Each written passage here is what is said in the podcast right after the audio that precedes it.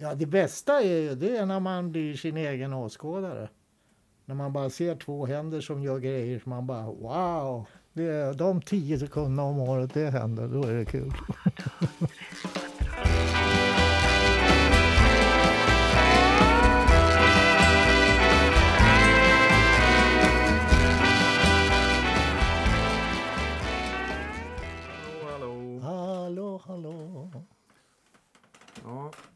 ska nog gå bra. Bosse här. Man ska aldrig tänka något annat än det man önskar. Till exempel, vill du ha en ny, om du har en gammal dålig bil Ja, och du önskar dig en ny bil. ja.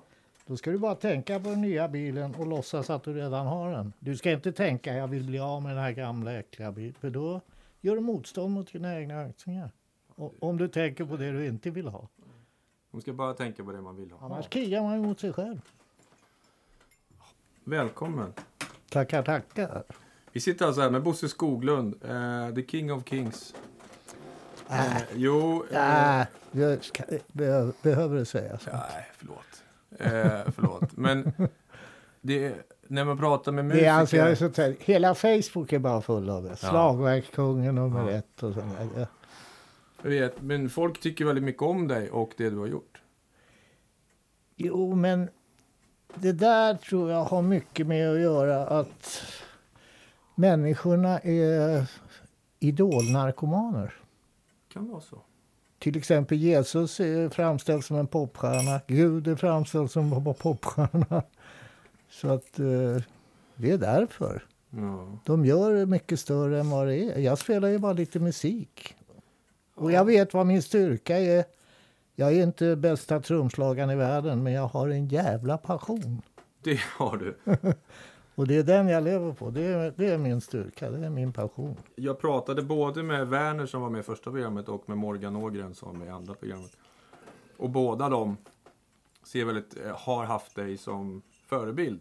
Speciellt Werner då som också var inne på det här jazzgrejen och Mahavishnu och, och samma Morgan. De, de tyckte att ja men det är klart, Bosse liksom. Det sa de ju till och med på Akis. Det var någon som hade frågat Island Östlund, som var lärare då på Akis.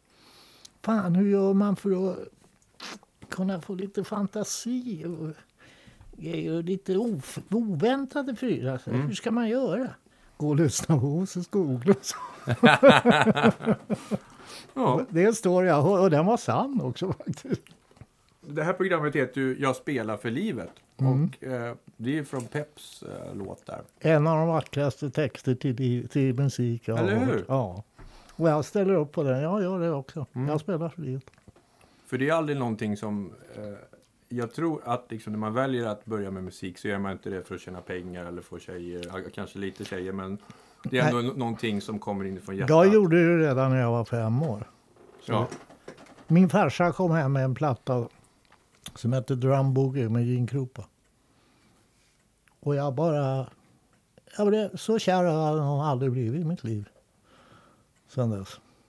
Och då bestämde jag för det här ska jag göra. Och då slog du på Och farsan garvade lite. Och, och, sen blev han ju förbannad då när jag stod fast vid mina. Han ville jag skulle bli något stort.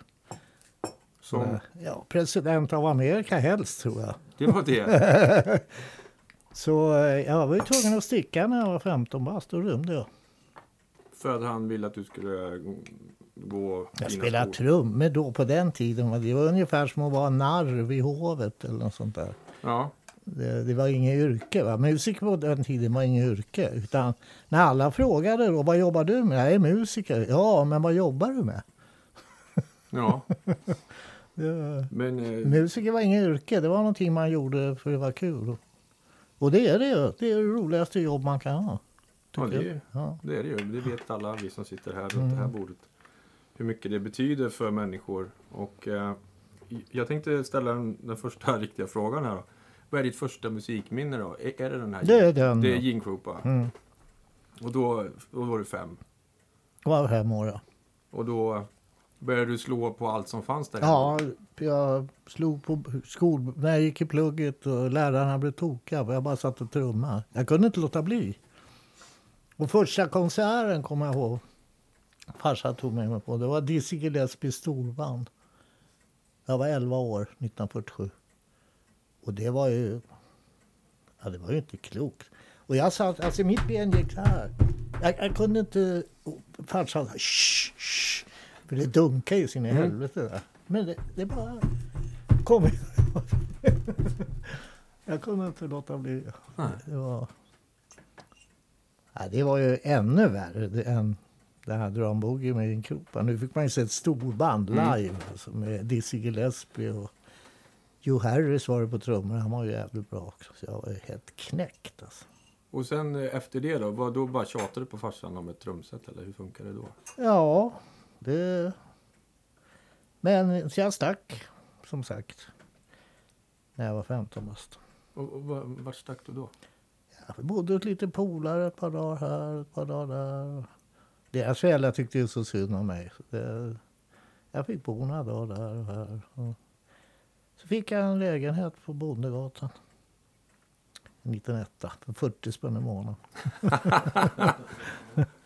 Ja, Men då fick man elda själv i kakelugn. och så. Och det fanns ingen varmvatten. Det var ju omodernt på den tiden. ja en etta på Bondegatan. Det är allas dröm nu för tiden. När började du spela i band då? Det började med ett band som hette Uptown Jazzman. Men det, de började jag med i- medan jag bodde hemma. Okej. Det var ett kvartersband. Mm. Spelade Dixieland. Och sen då så fick jag börja med Whiskey Bottle Slickers. Som spelade på Nalen på matinéerna, söndagsmatinéerna. Så det var ju himmelriket då. Så jag kom in ganska snabbt. Och så direkt efter Whiskey Bottle Slickers så blev det Lasse Gullin. Vilket hopp. Och då frågar du bara han, kan vi lira typ? Eller hur, Nej, det var han som frågade mig. hur länge spelade du med, med honom? Du gjorde rätt många plattor med honom. Nej, inte många. Eh, tre eller fyra. Ja, är ganska- Första var 1960. Det var en EP som hette Blue Mail. Och sen den här Portrait of My Pals har jag med på. Mm. Och så från Gyllene Cirkeln finns det en platta också. Ja, det kanske bara är dem. Repade ni någonting eller körde ni bara? Nej, vi repade inte vad jag kommer ihåg. Hur lärde ni låtarna då? Kunde man bara eller fick man hänga på? Eller? Nej, det var, eh, det var ju noter. Ah, okej. Man gick in i studion och fick ett papper. Och det hade du lärt dig själv då? Eller? Trumnoterna skrev de ju inte så noga på den tiden. Det var åtta takter komp och Mm. så var det fyra takter fiddle. Och, så det var rätt fritt. Ja. Det var inte nedskrivet. Så klassiska eller musiker till exempel, där står det ofta adlib. Mm. Fast de lirar ju alltid föreslå, Det Ja. föreslås ju alltid något. Alla Ja. lirar ju det. Ja. Det är ingen som vågar improvisera. Nej, inte där. Men då var det jazz och swing som gällde liksom. Ja. Det var, det var, det var Jo, Lasse Gedin var ju... Han var ju nästan gud för den. Alltså. Var, Han var den där rockstjärnan. Ja, han var inte bara det. Han var som människa också. Han var Var han en fritänkare? ja, mjuk och ja, väldigt vänlig. Kärvänlig. Men för han var väl den största då i Sverige? Ja, en av dem. Det finns ju aldrig en som är störst. Det, det beror ju på vem som tycker. Ja, ja, det är klart. Har du känt någon gång att när du har önskat saker och så har det kommit till dig? Hela, det är ju det som är miraklet i mitt liv. Jag skulle inte sitta här alltså, som jag har levt. Nej. Jag menar, jag har varit heroinist 15 år, alkoholist 25, kokain, tripper, amfetamin, allt har jag gjort. Och sitter här nästan 80 bara. Jag fick ju cancer av att jag rökte tobak i 50 år. Ja, men det har du också lagt ner. Ja, jo, ja, jo. Och så fick jag hjärtflimmer för jag inte kunde sova. Så, men det tog, för jag gav mig fan på att jag ska fixa det. Det tog 15 år och nu är det okej. Nu är det okej. Det var bra som fan. Men det är ett mirakel. Jag skulle borde varit död när jag var 35 år. Keith Richards är också en sån här som alla hade på toppen att... Men han ser ganska sliten ut nu. Åh, Jag såg någon bild häromdagen. Alltså, jävlar. Han och Mick Jagger var det. De såg ganska skrynkliga ut. Ja. Men det är konstigt för på boken, hans bok, Mm. Livet, den där. På baksidan där sitter han i en fåtölj och ser hur fräsch ut som helst. Alltså. Ja, men det är väl eh, Photoshop. Retuscherat och grejer. Men där jag tänker, fan vad fräsch han ser ut efter det liv han har levt. Han har ju varit värre än jag till och med tror jag. Jag tror det beror mycket på, jag är fruktansvärt positiv. Ja, det är du. Alltså, Jag tänker ju på det jag vill ha, eh, önskar. Jag tänker ju inte på det som har gått åt helvete. Som det har alltid varit. Som till exempel när jag hörde Bernt Rosengren första gången. Tänkte jag, eller Lasse Gudin, eller alla de där. Jag tänkte, fy fan, honom skulle jag vilja ligga med. Så går det en vecka så ringer Lasse Gudin. Tjena, det är Lasse Gudin. Har du lust att med? Och likadant Bernt. Och, här. Och Peps, samma grej när jag hörde Peps första gången. ja. Fan, den här snubben skulle jag vilja med. Han sjunger ju som en gud. ja. Efter en vecka ringer Hallå, det är Peps.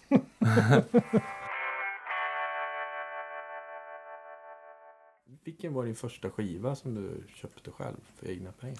Det var Cool Blues med Charlie Parker. På en 78. Kupol var skivmärket. Och baksidan hette Birds Nest. Och det var Errol Garner som spelade piano med Charlie Parker. Faktiskt. Och vilket år var det då? Kommer du ihåg det? 54. Jag hörde någon annanstans att ni samlade ihop pengar och spelade in eh, någon platta med ditt, något av dina första band. I Gamla stan fanns det någon eh, studio där. Nej, vi spelade aldrig någon platta utan vi träffades där och jammade. Okej. Man fick hyra. BRA Studio hette det. Mm. Kostade sju kronor i timmen tror jag. Vi, hade ju så taskigt med stålar. Så, det, Mm. så vi samlade ihop då 28 spänn. Kunde vi vara där fyra timmar. För då fanns det inga replokaler och sånt där. Så man hyrde in sig på BRA. Och då fanns det allting där man kunde spela på eller fick man ta? Nej, vi, man fick, vi tog med allting. Jaha. Och sen kunde de göra plattor såna här tunna, du Mm. vet som de gör på Gröna Lund. Mm. Men det gjorde vi aldrig där. Utan, men Frippe var ofta med och gjorde inspelningar. Mm. Så det finns ju Frippe-inspelningar därifrån. Ja. Som är jävligt värdefulla nu på japanska skivmarknaden. ja, det är där de är. Ja. Mm. Har du något så favoritalbum som, som, som du brukar komma tillbaka till? Som du alltid lyssnar på? Hundratals. Ja, men säg tre då. Som är så här, Ja, det, är så, det är så olika. Alltså det, just idag då. jag har så många. Jag kan, det är många som frågar vilken är min favoritomslagare. Alltså det är omöjligt. Jag har hundratals favoriter. Mm. Men eh, några som du kan nämna som inspirerar, någon skiva som inspirerat dig? Eller? Ja, bland jazztrumslagare så är det ju Elvin Jones, Philly Joe Jones, Art Blakey, Max Roach, eh, Ed Blackwell. Alla New Orleans-trummisar gillar jag också. Mm. Kan du berätta liksom när du hade börjat spela med Lasse Gullin, liksom hur det gick framåt, sådär, vad som hände? Ja, sen, man spelade ju med flera på en gång alltså på den för att överleva. För jazzmusik var ju ingenting. Sen åkte man ut i helgerna och spelade med andra då. Carl Tornehavet till exempel försörjde jag mig med. Och eh, Rolf Lindell hade en orkester som spelade sån här Glenn Miller-sound. Mm. Med dragspel och klarinett fick han ihop ett Glenn Miller-sound som funkar. Så det var ju det man gjorde på helgerna. Och Seymour Östervalls storband lirade jag med ett tag då. Där var ju alla med. Benny Bailey, Bernt Rosengren och... Och då var det folkparker och Ja, Folkets hus. folkparker. Folk, Mm. ja. Hur lång var en folkparksturné på den tiden? Liksom? Nej, det var helgerna. Det var helgerna? Ja. Och då var det ute i obygden eller? Ja. Ja, man kunde komma upp till närheten där uppe i Kiruna-trakten och så frågade man hur långt är det till folkparken? Ja, det är ett stenkast. Sen var det sex mil eller något. Så du har åkt mycket buss? mycket, mycket buss, ja. Hur många timmar tror du har lagt på buss? Åh, Hur många år har du suttit i en buss Bosse? Dina- Ja, det har jag väl gjort i alla fall 60. Ja. Vad brukar ni göra i liksom bussen för att slå ihjäl tid? eh, Hade ni någon... vågar jag inte tala om. Nej, just det. Ja, vi, nej, man gjorde allt möjligt. Satt och läste och lyssnade på musik och Ja, vi jammade i bussen också. Det är många som hittar på så här lekar att, liksom, så här, att man får poäng för saker man ser. Nej, nej. nej, nej, nej. det hade ni inte. Ja, det är klart, det beror på vilka man turnerar med också. Med Peps då är det tyst i bussen oftast, utom ibland. Men sen många har ju såna här bussband de har med sig. Som blandad musik som de Mm. sätter på sig från alla möjliga. Ja, vissa lirar ju kort och Mm. spel och sånt där. Vissa dricker öl. Ja, sitter och dricker öl och röker jointer. och- Ja. Ja. Vad hade du för musikbetyg i skolan? Musikbetyg. Ja, Det kommer jag fan... Ja, ja, nej, eh, jag käkade faktiskt krita så att jag skulle bli befriad från sång.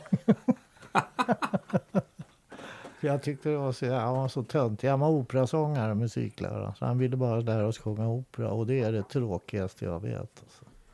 Alltså. ja, det förstår jag. Om man vill lira trummor så är det inte Nej, det är inte det. det är, alltså jag har svårt för både musical och... För det är mer teater än musik. Alltså. Mm. Det är det. Och det är ju popmusiken idag med. Det är ju mer teater än musik. Alltså. Ja, det måste jag hålla med om. Det är visuellt mycket mer. De har lagt ner mycket mer energi på det visuella än på det musikaliska. Mm. Det har så ett sant ord. Mm. Jag pratade med Bryn Settels.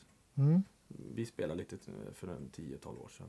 Då så berättade han en story om när ni skulle spela in den första Peps-skivan när det skulle vara reggae. Så sa han att du hade aldrig spelat reggae innan. Han aldrig... Nej, jag, jag tyckte det var så konstigt. Och då sa han att du hade gått in i en lada med dina trummor och några reggae-skivor. Och så hade du liksom kommit tillbaka några dagar efter och bara nu så kan jag det här.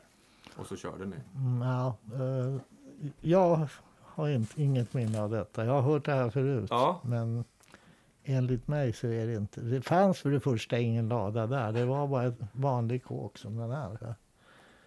Hur gick det till då när du gick från liksom swing? Nej, jag tror Pep, jag sa till Pep, Pep kan vi inte ställa oss så grova du och jag? Så, så jag kommer in i det. Mm. Så lirar du. Och, men det skumma, det var bara, alltså nu är det, jag fattar inte att man tyckte det var så skumt. För det är ju bara att lägga bassumman med tvåan på virveln. Ja. Men sen är det ju att, bli fri och man kan göra... Är- Som Carlton Ja. Han Ja. är jävligt fri när han Ja. lirar. Och så att man sjunger med hi-haten liksom.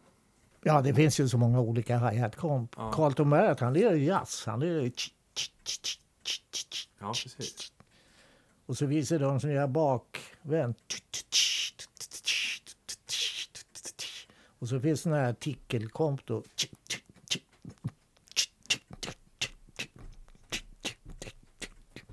Så det finns massor med hi-hat-komp.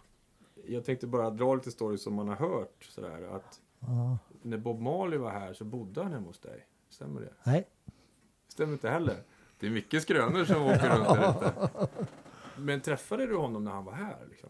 Nej, våra ljudtekniker däremot hängde med dem till hotellet. Och de var skitglada för att första året de är här, då, då kostade de 125 000. Oj. Men sen blev han så poppis så tredje gången då, då ville han ha 250.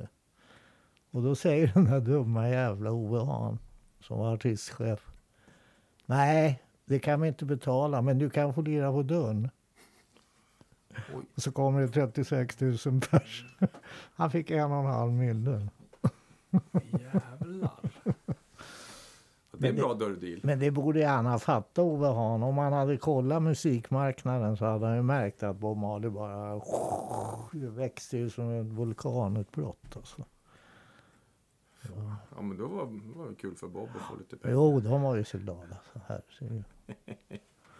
Om vi går tillbaka till Peps då. Ni, en, ni inledde ju någon slags samarbete som har pågått i jättemånga år. Sen 69. Och ni har lirat, ni, hur många band är det ni har haft tillsammans? Det är Blodsbandet? Ja, det är bara... Ja, först var det Blues Quality Mm. som jag började med. Och sen tog Peps, jag vet inte om han blev sjuk eller vad det var, men 70 då så tog han en, en break. Och då bildade vi resten ett band som hette Nature. Det var Mats Ronander då som blev sångare då istället för Peps. Mhm. Så var det Lasse Welander på gitarr. Per-David Jonsson på bas. Och jag på trummor. Men det blev mer rock. Det var rockband.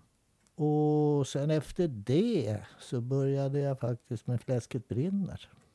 Just det. Och arbete och fritid höll jag på med på Mm. samma gång också. Mm. Så det var tre... Ja, när det var som mest lirade jag nog med tio band tror jag. Ja, Mikael Ramel. Ja, men det, honom lirade jag bara plattor med och några gig. Så träffade jag Peps. eh, De ringde mig då. Jag låg faktiskt hemma i heroinabstinens. Så jag var skitsjuk. Ja. Men eh, han frågade om jag kunde komma ner och det. Så jag gjorde det ändå. Och på den vägen, ja. Jag kollade din eh, diskografi där och då, det är väldigt många Peps-plattor liksom. Och det är reggae och det är blues och det är rock och det är... Ja, jo, det är över 20 tror jag. Hur eh, har det samarbetet och flyttat på? Har han liksom kommit med nu ska vi spela reggae och så har ni gjort det eller har ni... Nej, Han gör Ah, Okej. där han lirar allting själv. Mm. Som jag tycker är mycket bättre än plattorna blir. Jo, det är sant. Han får till det på något vis. Han får något extra. Han har någon timing va? Ja, han har en fruktansvärd timing. Och så spelar han ju. Han spelar ju trummor bra, bas, piano, gitarr, munspel. Sjunger som en gud. Mm. Ja, han är ju ansedd som en av de största vi har haft någonsin liksom. Ja, för mig är han Evert Taube, Cornelis, Bellman, Peps. Ja, faktiskt. Lyssna på hans texter, vilken Ja. poet han är. Alltså. Det är äckligt. Ja, men alla de är falsk matematik och spela för livet. Ja. Och... Jag har en favorit eh, som jag tänkte fråga dig om. Hur... Det finns en som heter Auktionsvisan. Mm. Som är någon slags reggae-polka, eller vad ska man kalla det? Ja, ja, det är schottis. Ja, schottis är det. För reggae och schottis är ju... Ja. Det är... Da, da, da, da, da, da, det är det är lite samma. Och det, det tror jag är den svängigaste låten jag har. Så hög standard, det är i stort sett en schottis reggae-platta.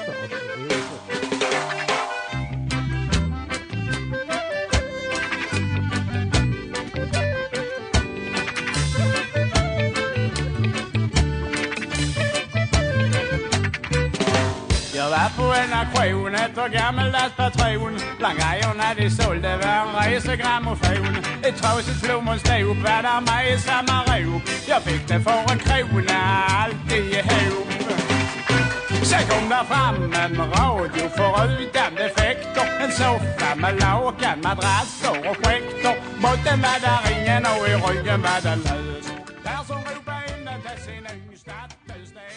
Men de bästa plattor vi har gjort med Peps tycker jag är Fyra där är, och Spår. Det är de två jag gillar bäst. Vilka var med på dem eh, i bandet då? Kommer du ihåg? Spår var ju bara svart. Det var ju Tony Ellis och Willy Umboende och Lester Jackman. Och jag och Peps. Mm. Ni var de enda White Boysen i bandet. Ja. Och sen så var väl Brynn har varit med någonting va? ja, men han var inte med när jag var med. Han var med på Falsk matematik. Då hade han ett annat band. Den där bl- första bluesbandet. Mm. Då var det Sven Sjöström som spelade trummor. Men sen har ni turnerat också mycket du och Peps va? Oj, oj, oj. Hur många gig har ni gjort? Vet du det? Det, ja, vad ska vi säga? Jag vet inte. 60 eller hur länge har vi lirat? 40 år. Ja, 5000 gig kanske. 5000 gig. Ja, kommer Stones upp i det? Ja, nej, det vet inte fan. För de turnerar ju bara då och då. Mm. Men vi turnerade ju, Var det hela tiden? ja, Var det mest i Sverige eller var det mycket i Danmark? Norge mycket. Mycket Norge. Och en gång i England när inte jag kom in. För då hade jag blivit legal. Så jag hade ju med mig metadon. Men det snodde de rakt av och skickade hem mig.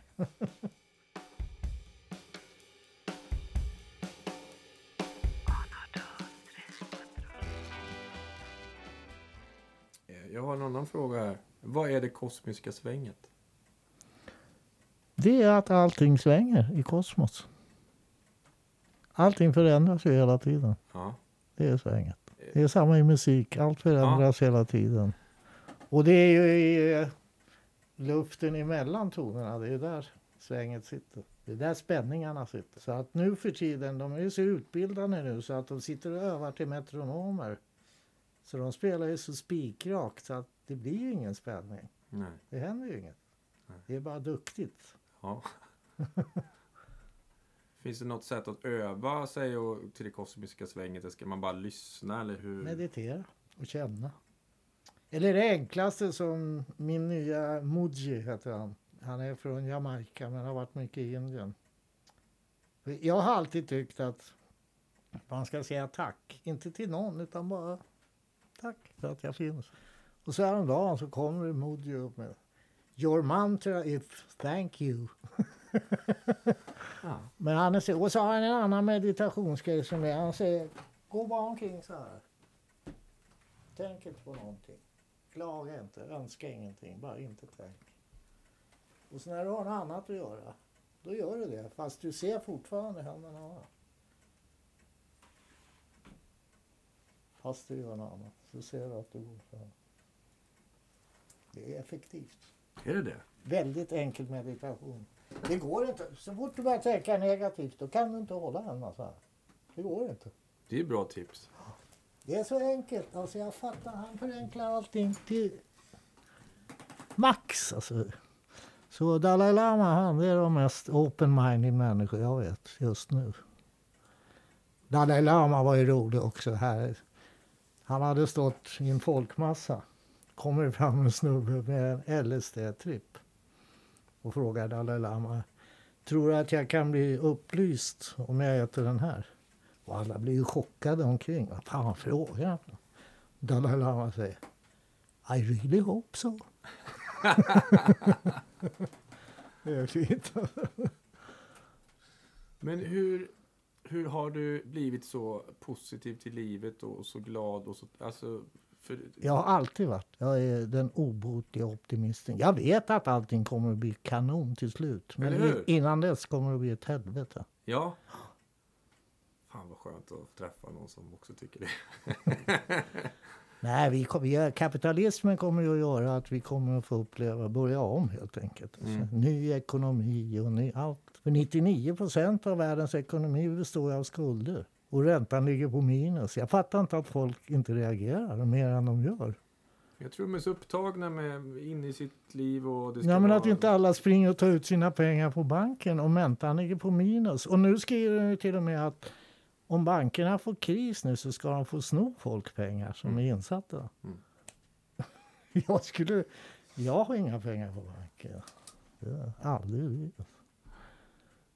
Nej, det, är, det måste ju komma någon ny slags ekonomi. Ja, absolut. Vad, vad tror du det blir? Att man byter tjänster? Först blir det byteshandel. För att jag tror det kommer inte att överleva mer än kanske ett par hundratusen av alla människor som får börja om. Så då är det bra att ha mark som man kan odla mat. Exakt. Det är precis vad jag ska börja med här. Ja. Nu när jag inte turnerar så mycket. Här kan du ha potatisen där nere. Nej, Jag ska ha lådor. Jag ska bygga upp lådor. Så här höga. Stora. Mm. Som man når överallt. Mm. Så har jag en grönsak i varje låda. Så inte kommer massa, det kommer så mycket ogräs och skit. Men det gör det ju inte om man har dem så här höga. Så slipper man böja sig om man är gammal också. Så man kan. Och så fylla dem med jord. Och så har jag en grönsak i varje låda. Så har man åtta lådor. Ja, Och så en jordkällare ska jag bygga också. men det är mycket att göra.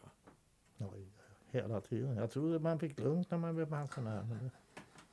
Ja, du har varit- pensionär ett tag och det verkar som att du kör på som vanligt. jo, men annars dör man ju för fan. Jag, jag ser folk i min ålder som sitter så här. Mm. Rullar tummar och tittar ut. Åh, vad vackert det är. Det är inget för mig. Alltså. Då, då är jag äldre. Ja. Men man ser ju på dem som fortsätter göra det de älskar. De håller sig piggare, friskare, Det beror på gladare. hur man tänker. För att allt startar ju med en tanke. Så vad du äter beror ju på vad du tänker. Mm. Och allt annat du gör beror ju på vad du prioriterar helt enkelt. Om du prioriterar att vara full varje dag då måste du ju köpa sprit istället för mat. Så det, man får ju välja. Mm. Har du liksom lärt dig någonting av liksom alla de här sakerna som du har provat? Och Självklart. Jag inte har lärt mig hur man inte ska göra. Det är precis så. Ja.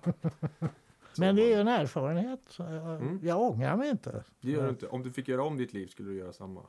Ja, det vet jag inte Nej. förstås. Men det är en nyttig erfarenhet. För jag Mm. kan tala om för andra hur vad som händer om Mm. man blir torsk på heroin. Alltså, det är det värsta. Det är det bästa jag har gjort som tog mig ur det. För det är det svåraste som finns. Hur gjorde du det då? Jag åkte ut på en öde ö. Ingmarsö hette. Och så låg jag där i tre månader kanske och spydde. spydde svart galla. Kunde inte äta. Filmjölk var det enda jag kunde få i mig. Och sen var det över? Nej, sen sov jag inte på åtta månader.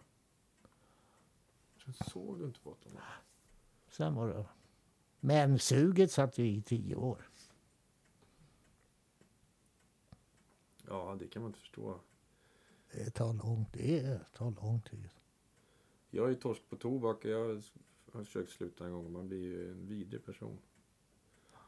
Ganska fort. Ja, det har jag försökt många gånger också. Men när jag fick min cancer, en vecka innan jag fick reda på det, så kände jag bara, nej, nu lägger jag av att röka. Och sen dess har inte jag varit röksugen en gång. Det är 15 år sedan, 16 år sedan. För när du var sjuk så fick du inte spela trummor heller. Stämmer det? Nej, det var när jag fick hjärtflimret. Då får man inte anstränga sig. Och inte jobba med händerna över huvudet. Hur, hur klarade du det då? Jag spelade inte trummor. Jo, jag åkte ju först innan jag fick reda på att det var hjärtflimmer. Så hade jag, jag åkte faktiskt i två år med hjärtflimmer på turné med Peps. Det fattar inte jag nu hur fan jag pallade det. för jag kunde inte gå upp för en backe som var så här brant. Alltså en centimeter lutning var som att klättra upp för en bergvägg. Men spela trummor gick bra? Ja, och sitta ner. Det... Fast jag var ju helt slut. Det bara snurrade. För att jag pissade ju blod också. Så jag förlorade ju mycket blod. Så att det bara snurrade i huvudet ibland. Jag bara... Sådär. Men sen sa Peps en kväll att nej, nu får du stanna hemma. Han såg, och det var tur det, för annars hade inte jag levt idag.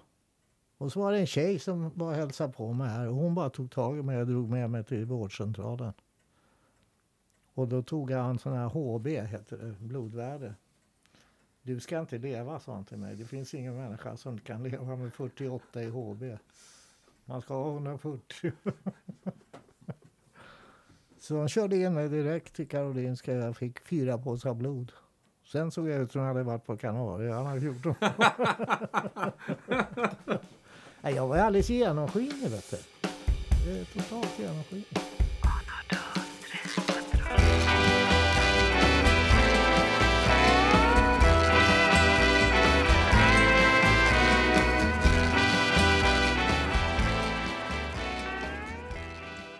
Jag jobbade på Rubadub eh, Records och Studios när du gav ut din eh, soloplatta. När du var 70 år så ville du fira det med att ge ut en skiva. Ja, jag har ju snackat om det så länge. Att när jag är 70 ska jag göra en platta. Och det gjorde du. Jo, men jag- det var för jag trodde jag skulle dö. Och eh, jag tyckte det var en fantastiskt bra platta. Ja, stäm. Det är bra att ligga och bada till och sånt där. Mm. Sånt. Ja, men, eh, och så sjunger du Diana så vackert tycker jag. Ja, förtvivlat snarare. Mm. Men det är vackert. Ja, nu tycker det. Så. Ja, för att det, det kommer, man känner att det är äkta liksom. Jo, det är ett skrik på hjälp på något Ja. vis. Och så var det det att jag hittade... Jag satt och tog de där ackorderna och så Mm. fick jag sån här gospelfeeling att det här är ju fan en skitbra gospellåt. Alltså. Så det var inte så det kom till bara. Jag hade inte bestämt att sjunga Diana. så jag fick ringa och fråga om det var någon som hade texten och sånt där. Jag kunde ju inte det. De andra låtarna är ju mer så här pling-plong och flöjter och ja, jo, slagverk jag, och sådär. Jag lirade på det jag hade. Så att om man är runt 40 så kan man ändå ha 30 år kvar till sin solodebut. Man Eller? kan väl ha dem ja. hur man vill. Fantastiskt. eh, och men eh, jag tänkte prata om... Eh, du var ju sessionmusiker på 60-talet, satt och spelade på mycket inspelningar. Mm, bakgrund ja. Mm. Och eh, du har spelat på två av de mest kända korvlåtarna. Blommig falukorv och varmkorv-boogie va? Mm. Eh, och Tunna skivor. Ja, Och Klas-Göran. Klas-Göran. ja men det är såna här, alltså verkligen svensk musikhistoria. Som Ja, alla det var kan. det jobbet man försörjde sig på då. Hur funkade det då? Satt man och så kom det bara låtar och spelade man in så här? Ja, de ringde och så kom man dit och så fick Mm. man ett notpapper. Så, sångerskan var ju inte med. Jag hade ingen aning om vad det var för låtar. Jag visste inte att det var Lill-Babs som skulle sjunga Klas-Göran. Utan vi spelade bara in bakgrunden. Det var ju så man gjorde. Man spelade in bakgrunderna. Och visst, jag hade ingen aning. Men så en dag så hörde jag någon låt på radion. Som var så pass töntig så jag la ner studioarbetet. Så jag kom på det är ju för fan jag som sitter och lirar den här skiten. så då la jag ner. Och sen var det jobbigt för att man, eh, man söp mycket när man spelade. Alltså det var stressigt så man var tvungen att ta ett järn för att lugna ner sig hela tiden. Hur liksom många låtar kunde man lira in på en dag? Alltså? Ja, det var ju olika. Man var, när man var som mest, det var ju så antingen hade man alla jobb eller också hade man inga. Så att ibland var det metronom, två låtar. Och så någon annan studio, ta en taxi med tummen. Så man kunde vara i tre olika studios på en dag. Metronom, var det några där som man känner till som du spelar på? Cornelis och de här, var inte med där? Nej, honom har jag aldrig spelat med. Men med Pugg har jag väl spelat med. Där. Och, med, och så gjorde vi Nature-platt. Gump hade de. Ett, Nature och Mats lirade där. Mikael Ram. Nej, det gjorde vi hemma hos honom. Det är bra fräs i den plattan alltså, Mikael Ramberg-plattan. Jävla skönt sound där. Det är gjort hemma hos Povel faktiskt, i hans studio. Det är också stort. Mm. Och sen spelar du mycket med Christer Botén va? Mm. Bolomata. Ja. Fantastisk sväng. Mm, ja, det var trevligt band. Hur, hur länge höll ni på med det? 82 till 88 la jag av. Är det några flera låtar så här som, som man känner till som, som man inte tror att det är du, men det är du som spelar trummor på? Ja, mycket Monica Zetterlund förstås. Just det, Monica. Vilka låtar spelar du på där? Kommer du ihåg? Oj, oj, det kommer jag inte ihåg. Ja, Farfars vals förstås, från att han gör en brygga. Och så uh, Anything Goes By, jag. Vad det nu heter på svenska. Eh, från den här Casablanca-filmen. Just det. Ja, vi spelade ju med Staffan Abeléns band. Då var vi på turné med henne 63 hela sommaren. Hur togs det emot ute i Sverige? Oj, oj, oj. Hon var kung, drottning. Ja. Såg du filmen om henne? Den här? Ja, jo. Kände du igen dig när du såg den? Nej, de hade förvrängt. Hon blev ju alkis på senare år. Hon söp ju inte alls på den tiden. Alltså. Nej. Men här på filmen verkar det som hon söp Hela från hon var 15. Eh, Och rök, det gjorde hon inte heller. Hon lär ju ha dött av rökning, att cigaretten ramlade. Men det gjorde hon inte heller då. Hon hade också en rätt bra timing. Ohyggligt. Och sjöng så jävla rent framförallt. Ja, det, är, det var den bästa sångerskan någonsin tycker jag. Ja, men Tage Danielsson har ju verkligen beskrivit henne på pricken. Ett cocktailglas med ett lingonris. Ja, Precis på pricken. Fast filmen var jävligt bra, det tycker jag. Mm. Hon lirar ju bra. Så ibland, hon var ju faktiskt... Hon har verkligen studerat Monica. Munnen och uttrycken. Det var så jävla likt det var nästan läskigt ibland. Ja, hon gör det väldigt bra, hon Ja. tjejen där. Fruktansvärt bra. Och sjunger bra också. Mm. Ja, det var en bra film. Mm, var jättebra. Det var bara att det stämde inte riktigt med... Men det, det sa de ju också. Det var ingen dokumentär utan en spelfilm.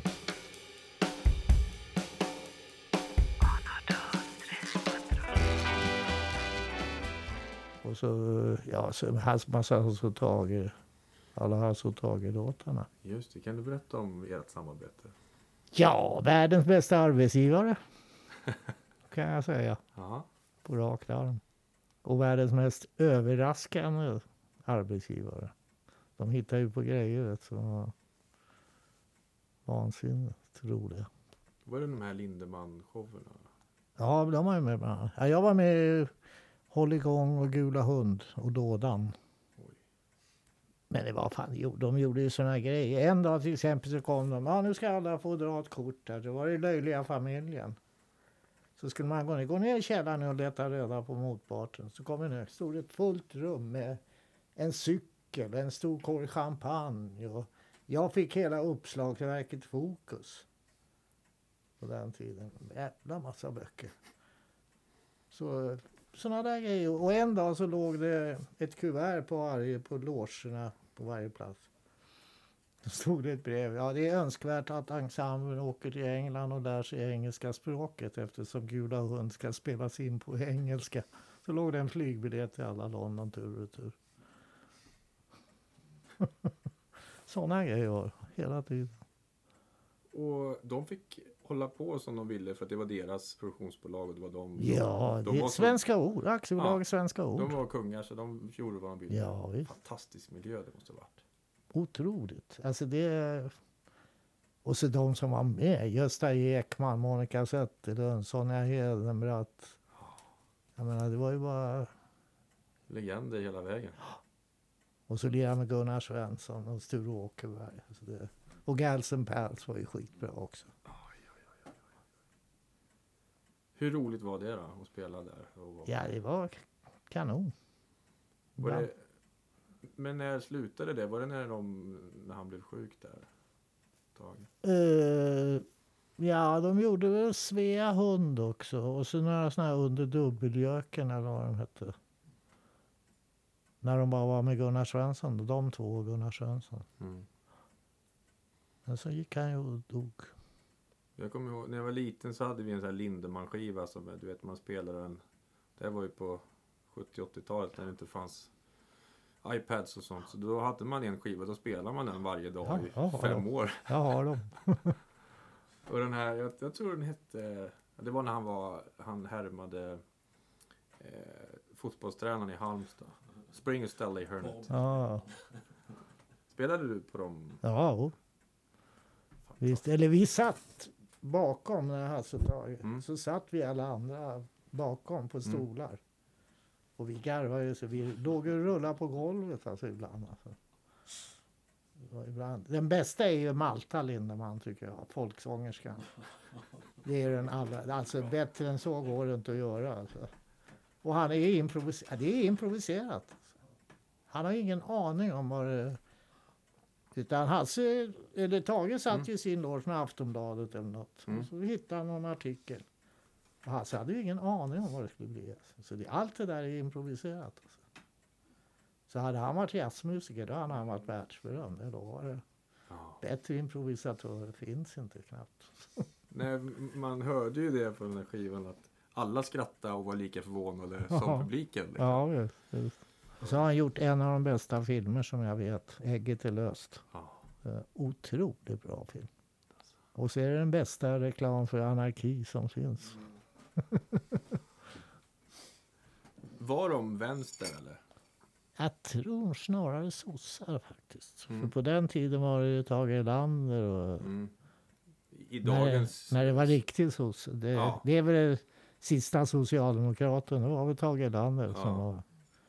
Så hade de levt idag hade de kanske varit så vänsterpartister eller miljöpartister. Mm, nej, jag vet inte. Men de var, de var i alla fall inte höger. Det vet jag. Och väldigt engagerade i Amnesty. Var de. Var de det? Mycket engagerade och är fortfarande tror jag. Ja, och Powell också. Jag har lirat med honom också. Det är Också för fint. Nej, utan jag var med i en revy som hette På avigan. Ja, okej.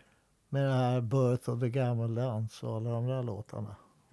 Finns det några andra sådär som du har spelat med som du skulle vilja prata om eh, som har betytt mycket för dig? Oj. musik. Kenny Dorham, Kenny I love you. Berätta. Kenny Dorham, Ja. det är en av de finaste trumpetare som har vunnits. Han spelar med Charlie Parker bland annat och med Art Blakes första band, Jazz Messengers. Vad är det han spelar som, som får dig att flyga liksom? Ja, jag kan bara sätta på något. Så det är Ja. det enda jag kan göra i så fall. Ja. Vi, har en, vi kommer att ha en Spotify-lista liksom, lista här sen där vi lägger Men här in finns, det här finns inte på Spotify för det är en radiosändning vi gjorde. Okej. Och så bra har jag aldrig hört honom spela faktiskt. Och så har jag ju spelat med Dexter Gordon. Otroligt fantastiskt. Herregud. Don Cherry också. Fantastiskt. Blir det svårt att vara engagerad i andra band när man har spelat med sådana fantastiska musiker? Nej. Eller är det alltid kul att spela? Ja. Det är det enda jag tycker är kul Ja. i hela världen. För du har ju ett band nu, Pom Getri. Och så spelar jag med Silversurfaren and his Space Cadets också. Ja, det är ett bra band. Men hur startade ni det här Pom Getri? Då, det är två kompisar till mitt barnbarn. Som är där. Och eh, en av dem får låna sin farmors kåk som ligger här uppe. Och så får de reda på att jag bor här. Med morfar då till honom. Och att jag har spelat trummor. Så det knackar på dörren då. Så öppnar jag och så sa Hej på dig gubbtjuv, har du lust att spela lite musik? ja just det, kom in. Och så spelade vi och så var det kul. Och ni släppte er första platta nu eller? Ja, men det, är, det här är tre år sedan vi träffades. Mm. Plattan nu är nio man på. Mm. Och ni har en egen klubb? Ja, jo. Ja, egen. Vi hyr en lokal Mm. en gång i månaden. Ute i Hägersten va? Ja, telefonplan. Mm. Ja. Melody Box. Melody Box. Mycket fint ställe. Ja. Så där kör ni en gång i månaden så om man vill komma och kolla på er. Ja, nu är det sommaruppehåll. men Vi startar i höst igen. Kan du berätta vilka som är med och spelar? Ja, det är... Eh, ska vi se, Lennart Söderlund som har spelat både med Peps och Bolombata, Christer Potén. Och sen är det Robin Cochrane som spelar djembe. Och han spelar ju med massor med band. Sen är det min förra fästmö Marianne Lemmo som spelar slagverk och sjunger. Och så Johan och Peter då. Johan Toft och Peter Granström. Och så Flamman från Dag Ag, spelar gitarr.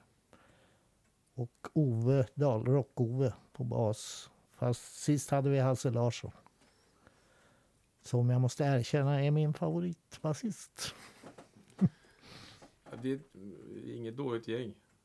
Nej, det är skitkul. Det är så mycket kärlek. Det är bara...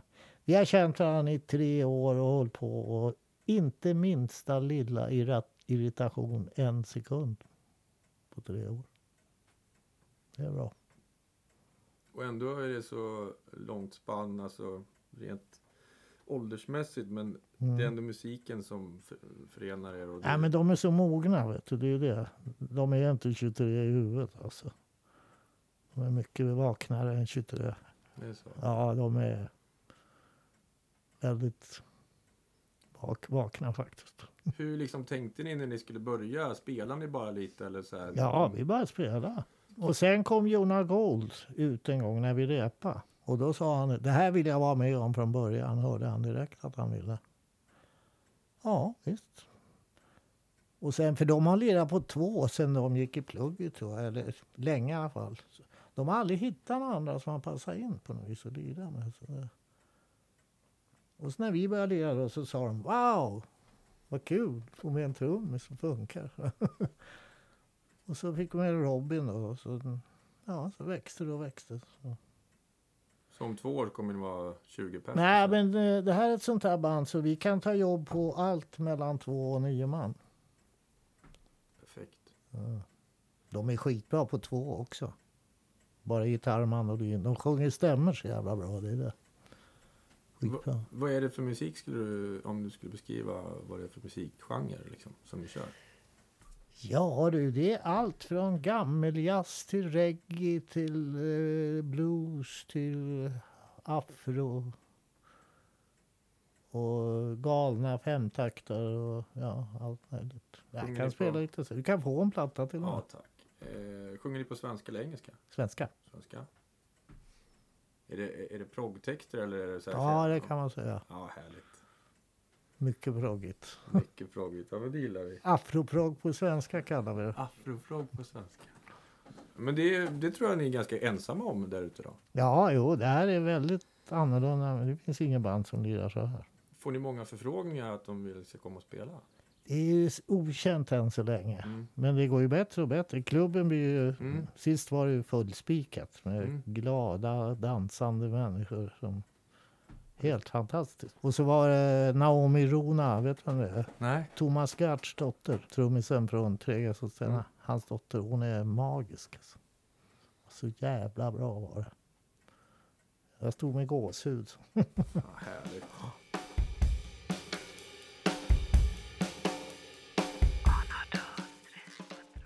Vad ser du framåt då? Vad, vad vill du göra? Spela musik. Ja, nu ska surfaren komma hem. Vi har ju gjort en plan. Jag fick ju den här utav surfaren. Den här fick jag när han kom från Indien. Ja. Då tänkte jag, vad fan. Jag tar ut de elva bästa. Och så ringer jag honom så sätter vi kom till. Så vi har gjort en platta med, Med chanting typ. med det här. Som vi ska mixa nu när han kommer hem från Portugal. Men det kan också få vara lite sen. Gärna. Mm. Ja. Så det är väl det närmaste projektet jag har.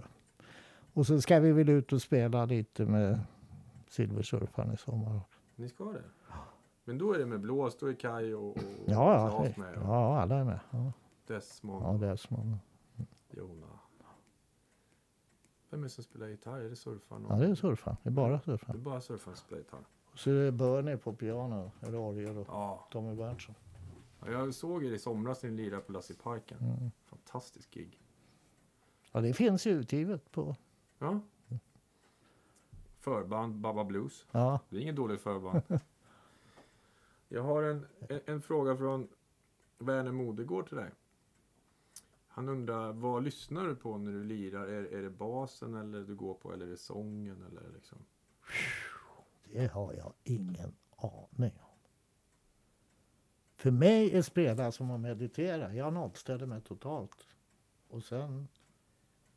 Ja, jag spelar på den ljudbild jag hör. Okej. Men inget, nej, det, är, det är som att meditera. Mm. Jag försöker tänka så lite som möjligt. Och bara vara där och då. Ja, det bästa är ju det är när man blir sin egen åskådare. När man bara ser två händer som gör grejer som man bara wow. Det är de tio sekunderna om året det händer, då är det kul. Kan du berätta lite om ditt samarbete med Internal Dread? Ja. Första var väl med Universal Rhythm där, första plattan. Just det, percussion. Också. Och sen eh, efter det så blev det Desmonds platta då, när Under Oath. Och så Universal nummer två. Det är nog det enda. Och så mixade han ju min platta då förstås. Mm. Ja, Han gick ju bort tragiskt. Mm. Eh, Ja, det var fruktansvärt. Alltså, löjligare bort. Ja, det finns inte. nej. Jag menar, hur fan kan man vara så dum att man inte sätter en kåpa över en sån här knapp? Alltså. Mm. Det är ju inte klokt. Han ramlade ur en buss kan vi berätta för dem som inte vet. Ja, jo, jo. Men han tryckte ju på den här. Han trampade. Han var väl inga glasögon, skulle gå på muggen. Och så trampade han på den här dörröppnarknappen. Chauffören hade ju sagt, vad ni än gör, trampa inte på den där. För det fanns ingen skyddskåpa på den. Hade det hänt i Sverige, då hade de ju åkt dit. Men nu hände det i Danmark. Och där har de inte de lagarna. Det var så alltså? Mm. Han trampade på den och så öppnades och han sögs bara. Så gick det till. De hittade ju honom på vägen. Han var helt förvirrad, chockad och fattade ingenting. Vad som hade hänt eller någonting. var ju sömndrucken. Han hade ju sovit alltså. Skulle upp och pissa. Mm. Men det var en fin eh, konsert för honom tycker jag. Mm. Fast de häftigaste konserterna har ju faktiskt varit för Stickan. De har ju varit bra allihop. Mm. Den i år, eller förra sommaren. Med Thåström och de här. Jag brukar bli så glad när det är så bra så att man dricker mycket öl. Så att man i slutet om man är jättefull då har det varit eh, bra musik på scen. Ja. Och jag, var, jag kommer ihåg att jag kom hem väldigt, väldigt glad. Det är ju ännu bättre om man står framför scen och är sugen på öl men det är så jävla bra så man har inte tid att gå och köpa öl. Nej. Då är det bra. Ja. ja, men det var ju jättebra. Jo, men om det är så bra som Ja. man inte ens... Nej, man jag inte kan inte gå härifrån. Det Nej, går inte. nej. Fortsätt. Det är sådana här stories man vill höra. Rune Karlsson skrev ju en skröna i sin bok. Han skrev ju en bok, Trumslagaren. Ja. Mitt i tiden hette den.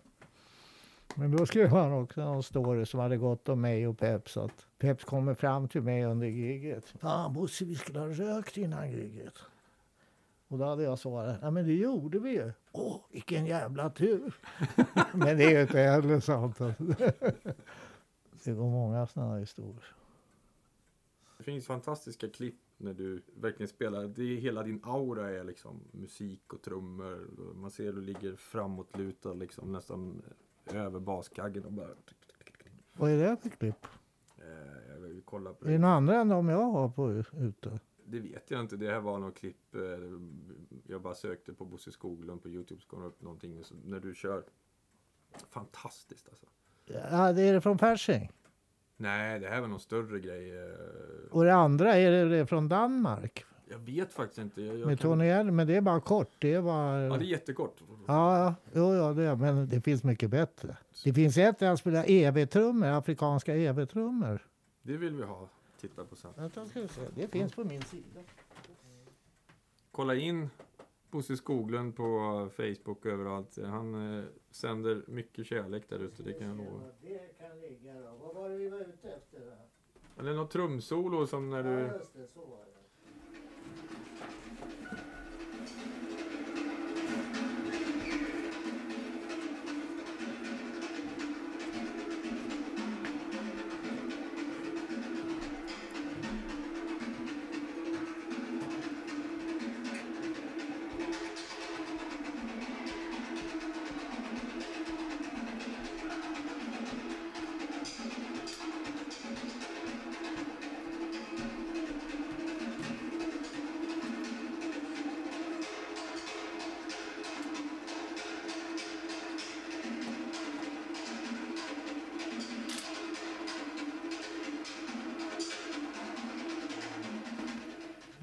Där. Fast det är en massa Max Schultz först innan trumsolo kommer. Det kanske man kan dra fram.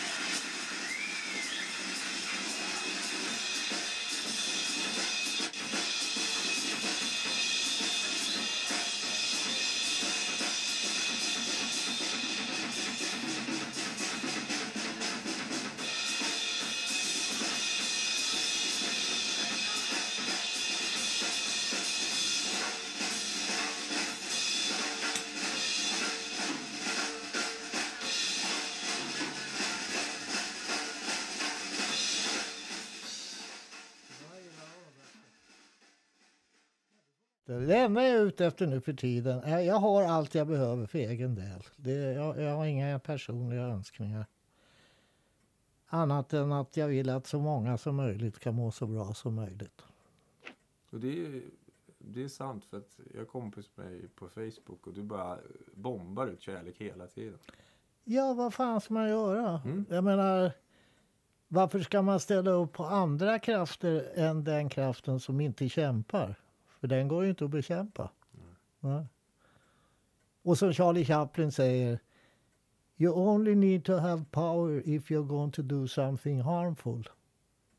With the rest is enough with love. det är bra sagt. Ja, han har sagt mycket kloka saker. Ja, oh.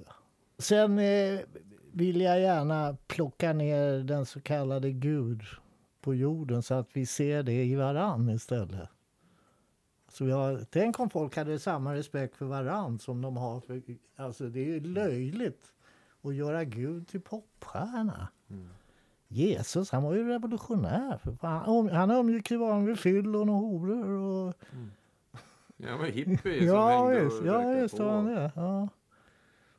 Och men folk är så jävla idoltorsk så de har höjt upp. Och framförallt spika upp han på ett kors i en kyrka.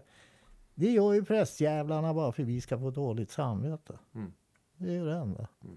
Ja, det är förtryck för fan, det är ju fascism. För Fel. mig har Gud ingenting med det där. Gud har ju ingen religion. Om det fanns någon Gud, tio Guds bud säger vi. Mm. Om det skulle ha funnits någon Gud som säger du ska inga andra gudar hava jämte mig. Det är det största egot som har funnits i världshistorien i så fall. Alltså. Nej, kärleken är min Gud. Ingenting annat än kärlek. De flesta tror att Gud är en gubbe som sitter och lägger sig i allting vi gör. Men du får väldigt mycket kärlek tillbaka. Ja, du får tio gånger mer. Allt du skickar ut får du tillbaka tio gånger mer. Minst. Vad det än är. Varenda tanke, varenda handling du gör får du tillbaka tio gånger mer. Minst. Så om alla skulle skicka ut kärlek i världen samtidigt. Då skulle det bli bra. Ja, Och om inte vi fanns skulle det också bli jävligt bra. det tror jag också. ja, det, det kan man ju tänka på ibland. Att det kanske måste bara försvinna och börja om. Ja, det måste det. Vi måste börja om. Det det är så.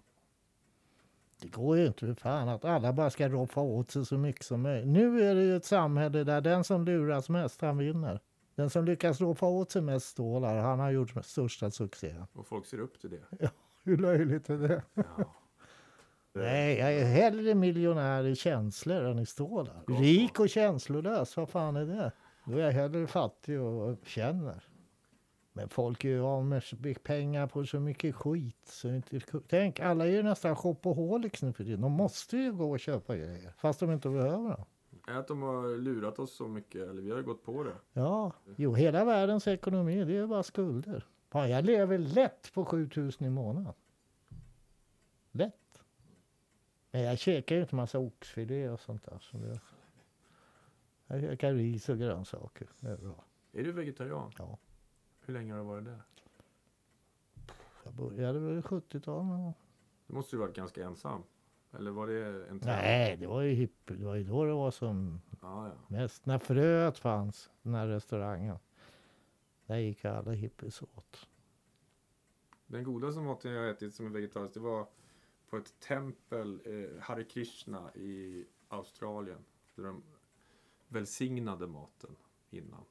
Det var så gott så vet, så det bara... Mm. Ja. Alltså tomaterna smakar tomater och Ja. liksom allt var liksom så här fantastiskt gott. Jag tycker det här är Krishna vid Fridhems plan. Det är lite mesigt. Alltså. Ja, men det är lite så här. Det är för banan. sött. Det är för Ja. mycket dessertfeeling ja. på Ja, det. det är socker i allt faktiskt. Ja, just. Nej, jag lagar helst mat själv. För musiker brukar ju vara bra på att laga mat för det, det är ungefär samma, samma sak att det är här och nu och du lagar mat till någon så får du med en gång en respons att det här var gott eller det var inte gott. Samma som när du spelar musik för någon så får du också tillbaka. Ja, lägger man tillräckligt mycket kärlek i det så blir det bra. Det man inte kan göra med kärlek, det ska man ge fan i. Det är nog sant. Ja. Det är nog sant. Kloka ord. Ta några sköna så här, stories när ni varit ute på vägen som är så här bra stories som man någon gång när det har gått så här riktigt eh, fel eller eh, gick väldigt bra. ja, jag kan berätta en rolig grej från, vad var det nu då? Hedemora tror jag det var. Jag var vick med Dag Wahlqvist på orgel Oj. istället för Bumpabären. Och så hade jag målat med i rött, grönt och gult så jag syntes inte att det var jag. Och hade någon arbetare. Och så skulle jag vara rolig, tänkte jag. Och det var då när Björn Borg var gift med hon tjeckiskan. Så jag går fram till micken och säger ja, som ni vet så spelar ju Björn Borg bäst på grus. Själv spelar jag bäst på gräs. Men han har ju sin Mariana.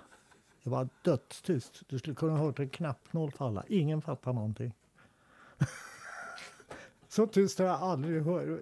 Jag har aldrig hört så tyst i kyrkan en gång. Vad var det för lag du spelade för? Var det... Nej, det var med dag A, vanlig dag A-publik. Men, De borde ju fattat det. men det är ju, jag tycker jag har en skitrolig historia. alltså var det riktigt noll. Oj, oj, oj. Är det något mer som du vill eh, förmedla till alla där ute? Peace, love and happiness. Det är det enda jag är ute efter.